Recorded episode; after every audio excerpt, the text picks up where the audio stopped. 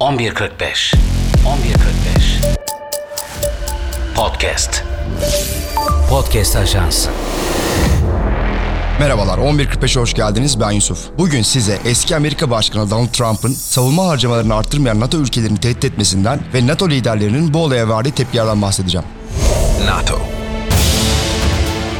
Geçtiğimiz bölümlerde Avrupa'nın Trump korkusu ve olası bir Trump zaferinin Avrupa'yı nasıl etkileyeceğini anlatmıştık. O bölümden hemen sonra eski Amerika Başkanı ve 2024 Amerika Başkanlık seçimlerinde Cumhuriyetçilerin aday olması beklenen Donald Trump öyle bir açıklama yaptı ki Avrupalıları iyice korku sardı. Trump yaptığı bir mitingde NATO liderleriyle yaptığı bir toplantıdan alıntı yaptı. Toplantıda Trump, NATO ülkelerinin NATO'ya gerekli ödemeleri yapmaları konusunda baskı yapmış. Bunun üzerine bir NATO lideri eğer ödeme yapmazsak ve Rusya tarafından saldırıya uğrarsak bizi korumayacak mısınız şeklinde bir soru yöneltiyor Trump'a. Ve Trump bu soruya şu şekilde yanıt veriyor. Dedim ki borcunuzu ödemediniz mi? Diyelim ki öyle oldu. Hayır sizi korumam.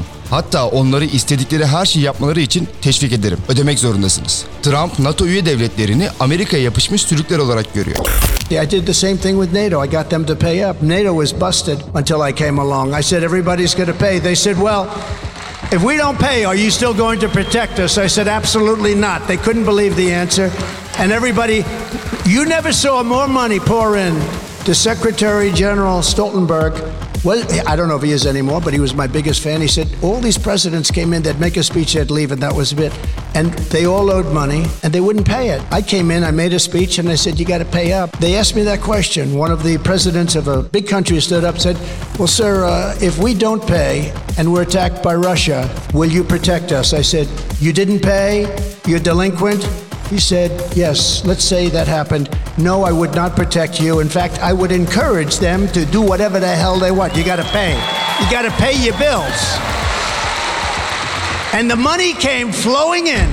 Trump başkanlık döneminde de NATO'nun yükünü sadece Amerika'nın çektiğini defalarca belirtmiş, Avrupa ordusu kurabiliriz diyen Emmanuel Macron'a ABD olmasaydı Paris'te Almanca öğreniyordun demişti. Trump'ın bu açıklamalarından NATO cephesinden sert tepkiler geldi. İlk tepki Beyaz Saray'daki Biden yönetiminden geldi. Beyaz Saray Trump'ın açıklamaları için mide bulandırıcı yorumunu yaparken bu açıklamalarda Trump'ın Putin'e savaşı ve şiddeti sürdürmesi konusunda yeşil ışık yaktığını iddia etti. Cumhuriyetçi Başkan adayı Nikki Haley, Putin için rakiplerini öldüren bir zorba yorumunu yaparken asla Amerika'nın Rusya ile yan yana gelmesini istemediğini dile getirdi. NATO Genel Sekreteri Jens Stoltenberg, Trump'a şu şekilde yanıt verdi. Müttefiklerin birbirlerini savunmayacağına dair herhangi bir öneri güvenliğimize zarar verir. Başkanlık seçimini kim kazanırsa kazansın, Amerika'nın NATO'nun güçlü ve sadık bir müttefiki olarak kalmasını bekliyorum. Avrupa Birliği Avrupa Konseyi Başkanı Charles Michel, X hesabından yaptığı bir açıklamada şunları söyledi. Transatlantik İttifakı 75 yıldır Amerikalıların, Kanadalıların ve Avrupalıların güvenliğini ve refahını desteklemektedir. NATO'nun güvenliği ve 5. madde danışması konusunda pervasız açıklamalar yalnızca Putin'in çıkarına hizmet etmektedir. The Guardian'ın haberine göre Avrupalı liderler Trump'ın NATO açıklamasının ardından savunma bağlarının güçlendirilmesi çağrısında bulundu. Polonya Başbakanı Donald Tusk, Fransa Cumhurbaşkanı Emmanuel Macron ile yaptığı görüşmelerde Alexander Duma'nın 3 silahşörlerinden alıntı yaptı.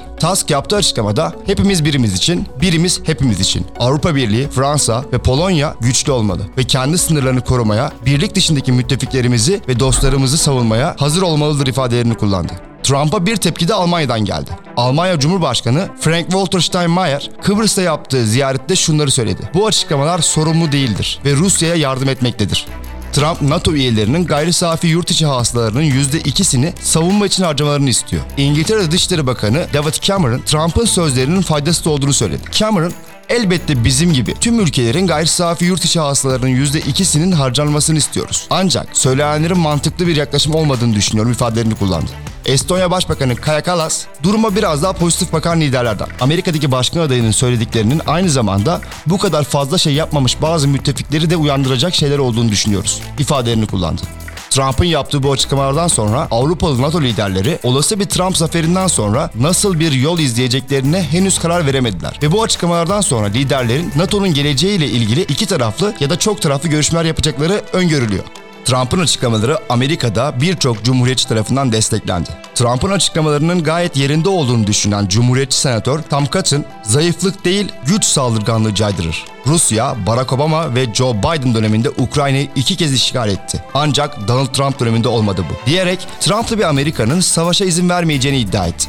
NATO Soğuk Savaş döneminde Batı bloğunun güvenlik ve savunma açısından ortak bir strateji geliştirmesi amacıyla kuruldu. İkinci Dünya Savaşı'nın ardından Sovyetler Birliği'nin yükselişiyle birlikte Batı Avrupa'da güvenlik endişeleri arttı. Sovyetlerin genişlemesi ve komşu ülkelerdeki etkisini arttırması, batılı ülkeler arasında savunma ve güvenlik işbirliği yapma ihtiyacını ortaya çıkardı.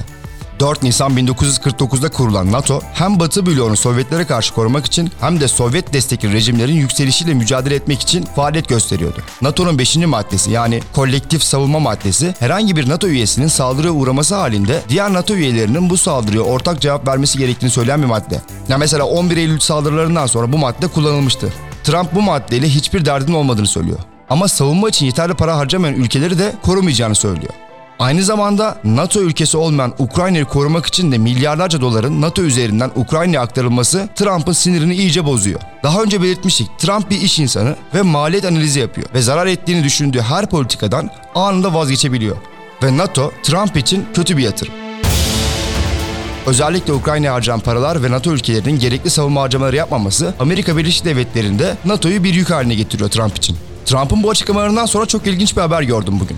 Almanya, Danimarka ve Polonya başbakanları Alman silah üreticisi Rheinmetall'in yeni silah fabrikasının açılışına katılmış. Almanya Başbakanı Olaf Scholz, Avrupa'nın silah üretim kapasitesini acilen arttırması gerektiğini söyledi. Uzmanlar ilerleyen dönemlerde NATO'nun lokomotif gücü olarak Almanya'yı görüyor. Bu durum aslında biraz komik yani trajikomik.